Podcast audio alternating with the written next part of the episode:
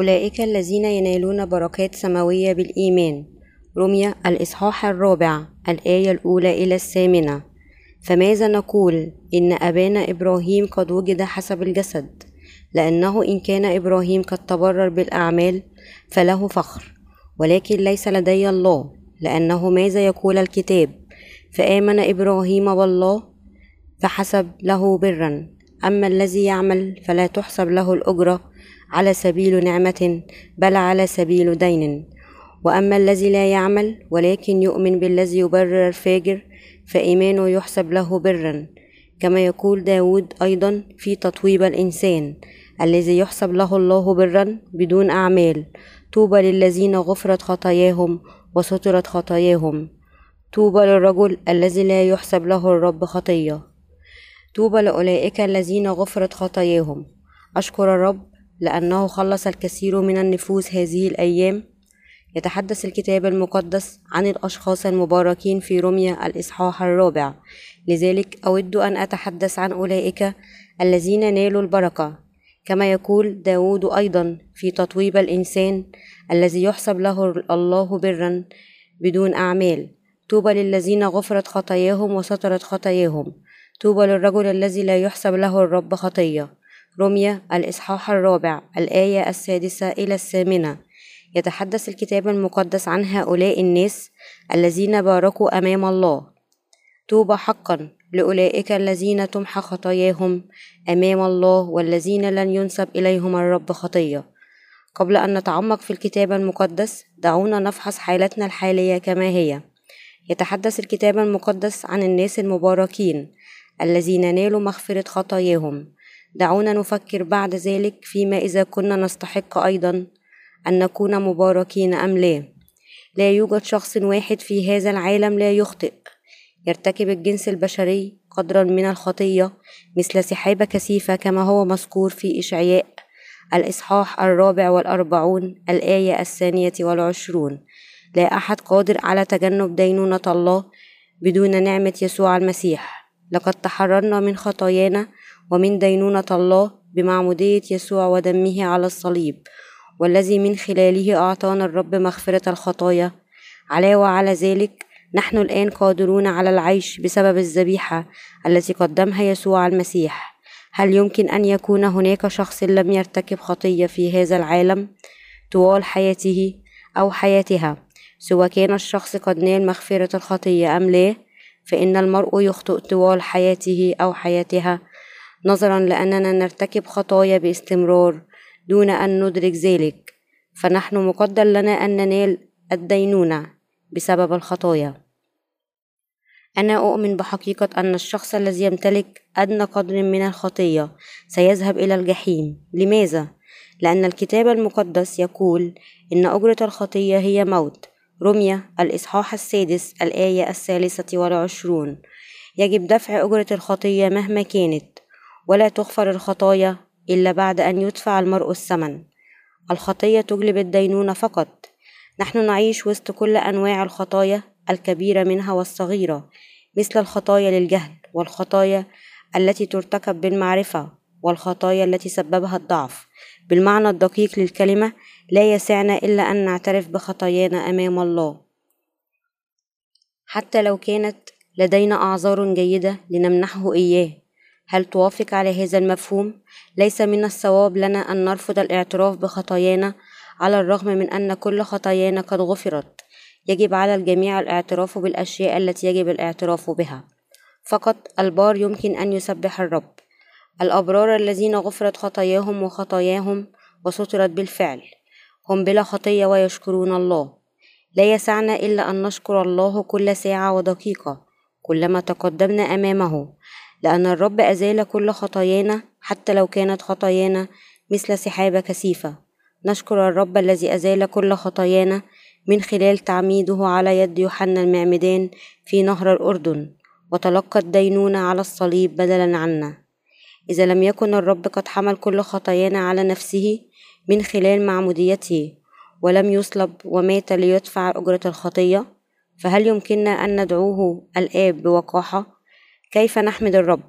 كيف نحمد اسم الله ونشكر عطية خلاصه ونمجده؟ كل هذا يرجع إلى عطية نعمة الله. نحن كقديسين يمكننا أن نحمد الرب ونشكره في هذا الوقت لأن خطايانا قد تم محوها بالفعل من خلال تضحية المسيح وحقيقة أن الرب قد أزال كل خطايانا. بما في ذلك الخطايا الصغيرة منها مثل الخطايا. يمكننا أن نحمد الرب.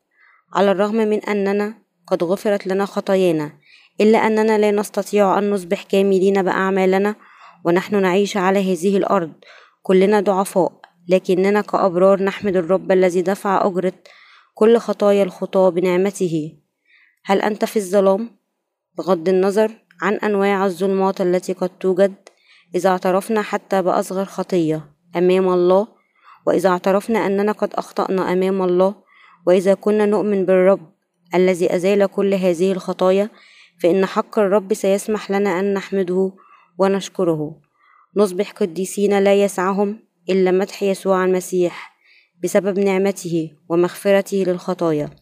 علاوة على ذلك نصبح عابدين لله بعد تلقي نعمة مغفرة الخطية في قلوبنا.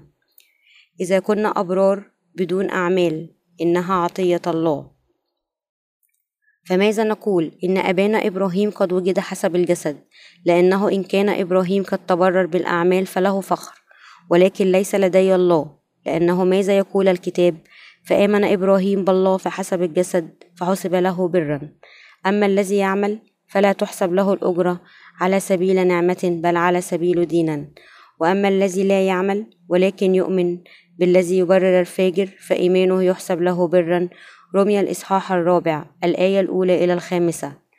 لا تكفر اسم الإنسان إلا بعد دفع أجره أجره. هل أنت متأكد من أن ضميرك قد طهر؟ بغض النظر عن أنواع الخطايا التي قد تكون لا يمكن تطهير ضمائرنا إلا بعد دفع أجرة الخطية. لم يكن أمامنا أي خيار سوى أن نموت لكن الرب مات من أجل خطايانا. لذلك الخطاة خلقوا ليكونوا أبرارا من خلال الخلاص. في روميا الفصل الرابع قال بولس أن الخطاة قد خلصهم يسوع المسيح الذي حمل كل خطايا العالم عليه عند نهر الأردن وصلب ليدين من أجل خطاياهم. مستخدما إبراهيم سلف الإيمان الذي آمن بالله. كلمة كمثال. يقول الكتاب المقدس أن إبراهيم تبرر لأنه آمن بالله. لم يخلص بأعماله الخاصة بل بالإيمان بكلمة الله. لذلك اعتبره الله باطلا. اعتبره الله بارا. نال إبراهيم الخلاص من خلال الإيمان بكلام الله وأصبح أبا لكل من آمن. أصبح بارا بالإيمان بعهد الله. ما هو الخلاص من الخطية ونعمة الله؟ اللاتين منحناهما لنا خطاة. دعونا نفكر في هذا لتوضيح هذه النقطة. أما الذي يعمل فلا تحسب له الأجرة على سبيل نعمة بل على سبيل دينا. رمي الإصحاح الرابع الآية الرابعة. تتحدث هذه خلاص الله الذي خلصنا من كل الخطايا. يتحدث عن مغفرة الخطايا. أما الذي يعمل فلا تحسب له الأجرة على سبيل نعمة بل على سبيل دين. إذا أخذ الرجل أجرا عن عمله فهل يعتبر أجره نعمة أم دينا؟ يشرح بولس الرسول الخلاص مستخدما إبراهيم كمثال. من الطبيعي أن يحصل الرجل الذي عمل في المقابل على أجر عمله. ومع ذلك إذا خلقنا لنكون أبرارا مثل القديسين حتى لو لم نعيش حياة كاملة فهذا من خلال هبة الله وليس من خلال جهودنا الخاصة. أما الذي يعمل فلا تحسب له الأجرة على سبيل نعمة بل على سبيل دينا. رمي الإصحاح الرابع الآية الرابعة. إن الخلاص بمغفرة الخطايا يرجع إلى معمودية الرب. وسفك دماء الذبيحة أصبح الخلاص ممكنا بالنعمة وعطية مغفرة الخطايا. لا يمكن للبشرية أن تكبح جماح الخطية لذا فهي مجبرة على الاعتراف بأنها أخطأت. لا يمكنهم أن يغسلوا خطاياهم مهما كانت العقائد التي قد يؤمنون بها أو بغض النظر عن صعوبة الصلاة من أجل خطاياهم. الطريقة الوحيدة للخطاة ليغسلوا خطاياهم هي الإيمان بالخلاص. الذي يقول أن الرب أخذ خطايا العالم إليه من خلال تعميده على يد يوحنا المعمدان في نهر الأردن وصلب لينال الدينونة بالنيابة عن الخطايا الخاطئون. ليس لديهم المؤهلات لدفع ثمن خطاياهم بأي نوع من التضحيات التي يقدمونها بأنفسهم. كل ما يستطيع الخطاة فعله هو الإيمان بالخلاص من خلال غفران الخطايا. الشيء الوحيد الذي يمكنهم الاعتماد عليه هو نعمة الله. بتلقيه المعمودية في نهر الأردن. أزال يسوع كل خطايانا بالطريقة الأنسب وبتضحيته بنفسه على الصليب خلص الخطاة من كل خطاياهم. وهذا يشمل الخطايا الصغيرة التي نرتكبها بسبب ضعفنا في ظل خدع الشيطان والخطايا بحجم جبل عالي. لذلك نال الخطاه الخلاص بالإيمان بمعمودية ودم يسوع المسيح من خلال عطية الله المجانية للخلاص. نحن الذين كنا خطاة أصبحنا أبرارا الآن. إن مغفرة الخطية تعطي فقط بواسطة النعمة والهبة. يتحدث بولس الرسول عن كيفية خلاص الخاطئ من كل خطاياه. أما الذي يعمل فلا تحسب له الأجرة على سبيل نعمة بل على سبيل دينا. يشرح نعمة الخلاص بمقارنتها بالأعمال في هذا العالم إذا قال الخاطي بعد أن عمل أمام الله أنه نال الخلاص من خطاياه.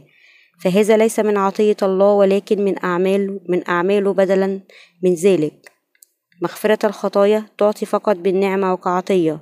لا تدخل نعمة الله أيا من أعمالنا. هل كان الخلاص من الخطية؟ هو أننا قبلنا عطية الله لنا أم لا؟ نعم لقد كان هذا. لم يكن لدينا خيار آخر سوى الفناء في بسبب خطايانا ومع ذلك فإن يسوع المسيح مخلصنا حمل كل خطايانا إليه بتعميده على يد يوحنا المعمدان في نهر الأردن.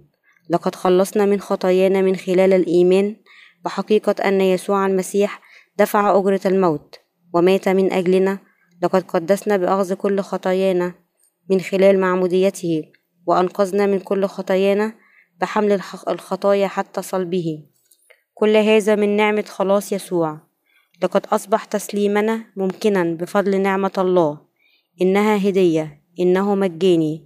الخطاة خلصوا بمحبة الله للخطاة لقد أزال يسوع كل خطايانا من خلال معموديته وخلص الخطاة من كل خطايا العالم ومن كل أحكام الله بصلبه. وأما الذي لا يعمل ولكن يؤمن بالذي يبرر الفاجر فإيمانه يحسب له برا. رمية الإصحاح الرابع الآية الخامسة. من قبل تحدثنا عن الشخص الذي يعمل. العبارة أما الذي لا يعمل تشير إلى أولئك الذين لا يؤدون أي أعمال مستقيمة لغرض أن يصبحوا مستقيمين. يستمر بولس ببقية الآية قائلين ولكن يؤمن بالذي يبرر الفاجر فإيمانه يحسب له برا. يستخدم الفاجر كمثال لشرح بر الله.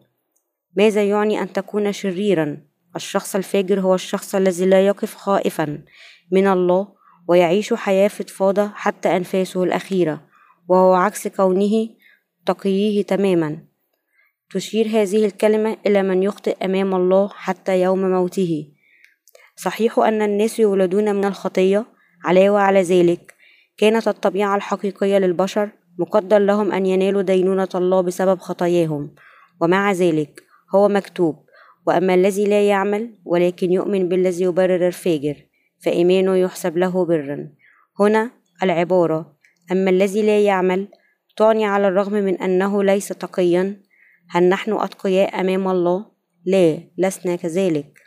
يقول لنا الرب أيها الأشرار أنتم بلا خطية وأنتم برون.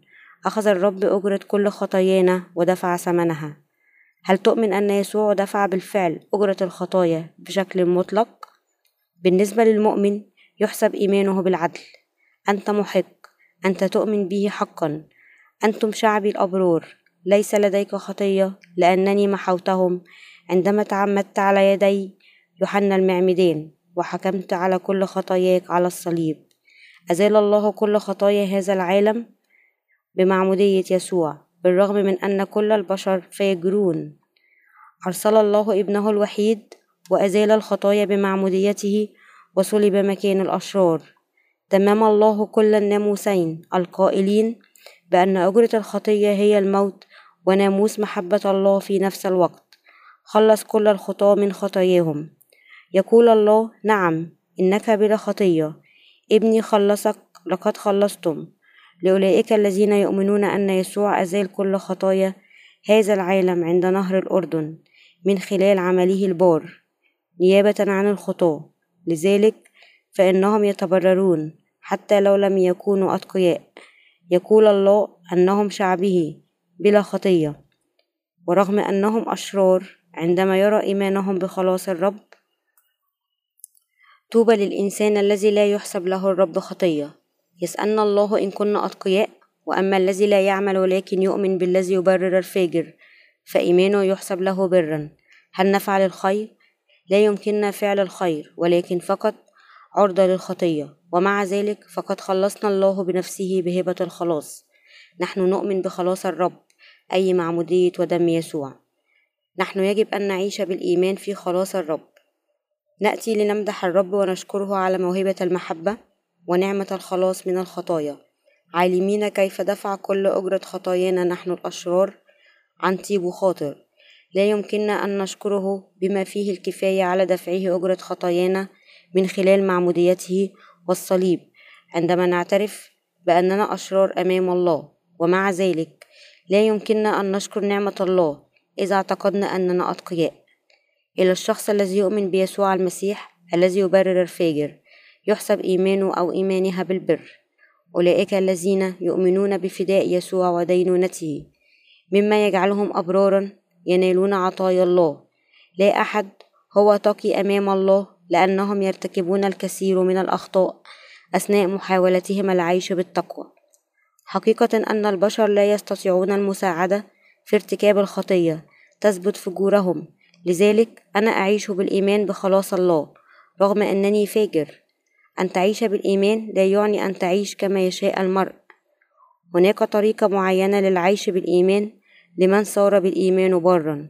كل يوم يحتاج القديسون المولودون ثانيا إلى إنجيل خلاص يسوع. لماذا؟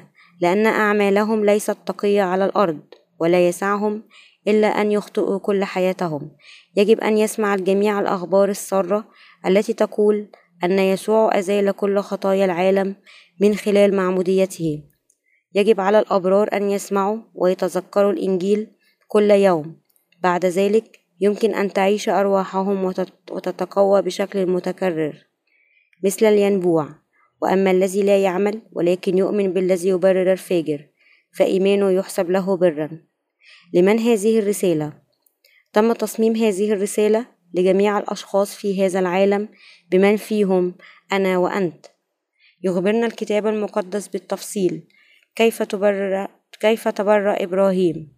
بالنسبة إلى الشخص الذي يعمل لا يتم تقدير خلاص الله وسوف يرفضه بدلا من ذلك. مثل هذا الشخص لا يشكر الإنجيل. بادئ ذي بدء ما تصفه الآية الرابعة هو أن الشخص الذي يعمل أي يحاول القيام بأعمال فاضلة ليدخل ملكوت السماوات. لا يشكر هذا النوع من الأشخاص أبدا على تضحية يسوع. لما لا؟ لأنه يعمل ويفعل الكثير من الأعمال الفاضلة. أثناء تقديم صلاة التوبة ليغفر له خطاياه اليومية. وبالتالي يعتقد أن مآثره الخاصة قد عملت بطريقة ما في الحصول على مغفرة خطاياه. هو هي ليست شاكرة على نعمته المطلقة التي هي هذا الإنجيل. لذلك لا يمكن للشخص أن ينال حقا عطية خلاص الله. يقول الكتاب المقدس وأما الذي لا يعمل ولكن يؤمن بالذي يبرر الفاجر فإيمانه يحسب له برا. رمي الإصحاح الرابع الآية الخامسة. وهذا يعني أن الرب خلص تماما أولئك الذين كانوا أشرارا والذين لا يمكن أن تغفر أفعالهم خطاياهم ويظهر لنا أيضا أن نعمة الله معلنة للأبرار الذين نالوا الخلاص بمغفرة الخطايا. لكن الشخص الذي يعمل لا يعتبر نعمته كنعمة. رمي الإصحاح الرابع الآية الخامسة. تنطبق على من يعترف بالله ويؤمن بكلماته تماما كما فعل إبراهيم. نحن نؤمن بالرب الذي خلص الأشرار. هناك نوعان من الناس بين المسيحيين. أولئك الذين ما زالوا يعملون ليغفر لهم خطاياهم. وأولئك الذين تحرروا تماما من خطاياهم. كما هو مكتوب في الآيات الرابعة والخامسة الذي يعمل ولا يعتبر الأجر نعمة ويرفض نعمة مغفرة الخطايا لأنه يأتي إلى الله بالأعمال بعد الإيمان بيسوع. لا يسع الناس إلا أن يظلوا خطاه لأنهم يقدمون أعمالهم إلى الله. عقيدة التبرير هي عقيدة مسيحية. تنص على أن المؤمن يمكن وينبغي أن يتقدس تدريجيا شيئا فشيئا حتى يوم وفاته وبالتالي فهو يقود المؤمنين إلى رفض عطية مغفرة الخطايا ومحاربة الله. لا يقول الكتاب المقدس أن الإنسان يصبح بارا بشكل تدريجي. أولئك الذين يحاولون أن يتقدسوا بالزيادة بالدعاء لمغفرة الخطايا وبعمل الخير وتطهير قذارته هم الذين يعملون. هؤلاء هم الناس الذين يستحقون الذهاب إلى الجحيم كخدام للشيطان. لا يمكن محاسبتهم على البر لأنهم رفضوا نعمة الرب. لا أحد منا هو تقي ومع ذلك فإن الكثير من الناس يتجهون ويؤمنون بالاتجاه الخاطئ في هذه اللحظة. يؤمنون أن خطاياهم الحقيقية تغفر عندما يتوبوا يوميا. مع العلم أن يسوع قد غسل كل خطاياهم الماضية يفعلون هذا لأنهم يعتقدون أنهم أتقياء بعض الشيء. إنهم يتباهون بجودتهم ونظافتهم أمام يسوع في النهاية. لم يصلوا إلى مغفرة الخطايا عطية الله. من يبارك. إن القديسين الذين تحرروا من كل خطاياهم أصبحوا أبرارا من خلال إيمانهم بيسوع. إن الإجابة على السؤال حول أي نوع من الأشخاص يمكن أن يصبحوا أبرارا هو هذا الشخص الذي يعرف ضعفه جيدا ولا يستطيع أداء صلاة التوبة من أجل خطاياه أو خطاياها. يكون مؤهلا لأن يصبح صالحا بالإيمان من بين آخرين كثيرين. فقط أولئك الذين لا يجدون القيام بالأعمال الصالحة والصلاة وأداء التقوى والفقراء في الروح سيحصلون على عطية يسوع بمغفرة الخطايا سيكونون أبرارا. هؤلاء الناس لم يفعلوا أشياء صالحة أمام الله. الشيء الوحيد الذي فعلوه هو الاعتراف بصراحة بخطاياهم. قائلين لقد أخطأت. أنا خاطي ليس لدي خيار آخر سوى الذهاب إلى الجحيم عندما أموت ثم أعطاها يسوع المسيح هدية الخلاص الكامل التي حققها. إن الإيمان بحقيقة أن الرب قد تعمد على يد يوحنا المعمدان في نهر الأردن ليأخذ كل خطاياهم وصلب يمكن للخطاة حقا من أن يخلصوا من كل الخطايا في قلوبهم. لقد لبسوا بركة أن يصيروا أبناء الله. إنها عطية الله للخطاة أن يخلصوا من كل خطاياهم أمامه أشكر الرب يسوع المسيح على خلاصه من الفناء. في الآية السادسة يصف بولس الرسول الرجل الذي باركه الله بدون أعمال ويوضح الثلاثة أجزاء التالية التي تخص العمل الشخص الأول الذي يعمل ثم الذي لا يعمل وأخيرا الذي بدون أعمال. الكتاب المقدس يقول كما يقول داود أيضا في تطويب الإنسان الذي يحسب له الله برا بدون أعمال. طوبى للذين غفرت خطاياهم وسترت خطاياهم. طوبى للرجل الذي لا يحسب له الرب خطية. رمي الإصحاح الرابع. الآية السادسة إلى الثامنة. ألا يحسب الله للشخص خطية؟ لا يعني أن الله يعتبر الشخص بلا خطية.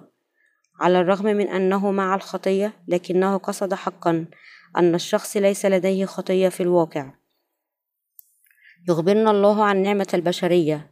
الناس الذين غفر لهم كل خطاياهم هم سعداء. أليس كذلك؟ لا أحد أسعد منا. لا أحد أسعد من إنسان نال مغفرة الخطايا. هذا يعني أن كل من لديه خطية حتى لو كان صغيرا مثل البيض سيحكم عليه الله ولا يمكن أبدا أن يكون سعيدا على الإطلاق. أما الأبرار فيفرحون لأنهم نالوا غفران الخطايا. يقول الله طوبى للرجل الذي لا يحسب له الرب خطية رمي الإصحاح الرابع الآية الثامنة. الذين سترت خطاياهم تعني أن الرب طهر كل خطايا البشرية. قال داود أيضا طوبى للذين غفرت خطاياهم طوبى لمن غفرت خطاياهم مع أنهم يخطئون كل يوم في هذا العالم. الأبرار الذين نالوا غفران الخطايا قد خلصوا من خطاياهم. مدى الحياة؟ من خلال يسوع المسيح. الأبرار سعداء حقا. طوبى للذين سترت خطاياهم. ثانيا أي نوع من الأشخاص من الأشخاص سعداء؟ طوبى للذين سترت خطاياهم. نحن نخطئ دائما ولكن ما يعنيه تغطية خطايا المرء هو أن يسوع أزال كل خطايانا بمعموديته وصلبه. إذا هل يديننا الله الآب؟ هل سترت كل خطايا الخطاة؟ لن نحكم علينا لأن يسوع أزال كل خطايانا وسفك دمه على الصليب. ومات من أجلنا لأننا فيه. طوبى لمن سترت خطاياهم. الموت وهو أجرة الخطية. لا يقع علينا لأن يسوع أزال كل خطايانا بالمعمودية. الحمد لله. نحن سعداء. هل عندنا خطية؟ لا. أولئك الذين لا يعرفون يسوع المسيح الذي أتى بالماء والدم ولا يعرفون أن كل خطايا العالم قد انتقلت إليه عندما حصل على المعمودية. في نهر الأردن سيكونون دائما خطية حتى لو كانوا يؤمنون بيسوع بشدة. ومع ذلك فإن أولئك الذين يعرفون حقيقة الخلاص ويؤمنون بها ليس لديهم خطية. طوبى لمن سترت خطاياهم. طوبى لأولئك الذين نقلوا كل خطاياهم إلى يسوع المسيح. في الوقت الذي اعتمد فيه يوحنا المعمدان من هو حقا سعيد في هذا العالم؟ طوبى لمن لهم مخلص لأنفسهم على الرغم من ضعفهم. طوبى للذين يؤمنون بيسوع المخلص الذي أزال كل خطاياهم بما في ذلك أصغر الخطايا والذي صلب ليدان مكانه. طوبى للشخص الذي لن يحسب له الرب خطية. طوبى لمن يؤمنون بحق الخلاص ولهم الراعي الصالح في داخلهم. ثالثا قال داود طوبى للرجل الذي لا يحسب له الرب خطية. رمي الإصحاح الرابع الآية الثامنة. نحن الذين نملك مغفرة الخطايا أبرار. وإن كنا ضعفاء جسدنا لا يزال ضعيفا حتى لو كنا أبرارا بالإيمان. هل رفع الرب كل خطايانا بمعموديته؟ هل يعتبرنا الرب نحن الذين سيحاكمون؟ لا. الرب لا يعترف بضرورة الحكم علينا رغم أننا غير كافيين وضعفاء. لماذا لا ينسب الرب لنا خطايا؟ لأنه دفع بالفعل أجرة الخطية وحكم علينا. الرب لا يتذكر خطايا الشخص الذي تبرر بالإيمان ولا يحسب للشخص الذي سيدان. طوبى للإنسان الذي تبرر بالإيمان. طوبى للإنسان المولود ثانيا من الماء والروح. يوحنا الإصحاح الثالث الآية الخامسة. عادة ما نسعى وراء الأشياء الدينوية ونفقد بركته. متناصين متناسين حقيقة أن الله خلصنا وباركنا. سنكون ضد الله عندما نفقد نعمته. يجب أن نحمل نعمة الله في أذهاننا. خلاص الله موجود في المؤمنين.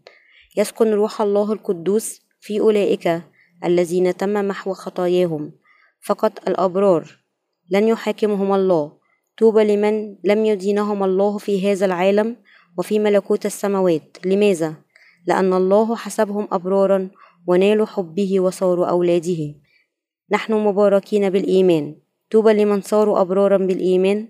هل المولودين من جديد هم مباركين أمام الله؟ نعم. قال بولس الرسول افرحوا كل حين. صلوا بلا انقطاع. اشكروا في كل شيء. تسالونيك الأولى الإصحاح الخامس الآية السادسة عشر إلى الثامنة عشر. لأنه كان مباركا بالإيمان من نسل إبراهيم أبو الإيمان. نحن من نسل إبراهيم أيضا. لقد خلص إبراهيم بالإيمان بكلمة الله تماما كما نفعل نحن. تكلم الله مع إبراهيم. لا تخف يا إبرام أنا ترسل لك أجرك كثيرا جدا. تكوين الإصحاح الخامس عشر الآية الأولى. لكن إبراهيم قال أيها السيد الرب ماذا تعطيني وأنا ماضي عقيما؟ ومالك بيتي؟ هو اليعازر الدمشقي. وقال إبرام أيضا إنك لم تعطني نسلا وهوذا أبني بيتي وأرث لي. فإذا كلام الرب إليه قائلا لا يرثك هذا. بل الذي يخرج من أحشائك هو يرثك. ثم أخرجه إلى خارج وقال انظر إلى السماء وعد النجوم. إن استطعت أن تعدها وقال له هكذا يكون نسلك. فآمن بالرب فحسبه له برا. هكذا وثق إبراهيم بكلمات الله. هل يمكنك أن تؤمن بكلمة الله مثل إبراهيم في هذا العالم؟ ألا يبدو من المستحيل على البشر أن يفعلوا ذلك؟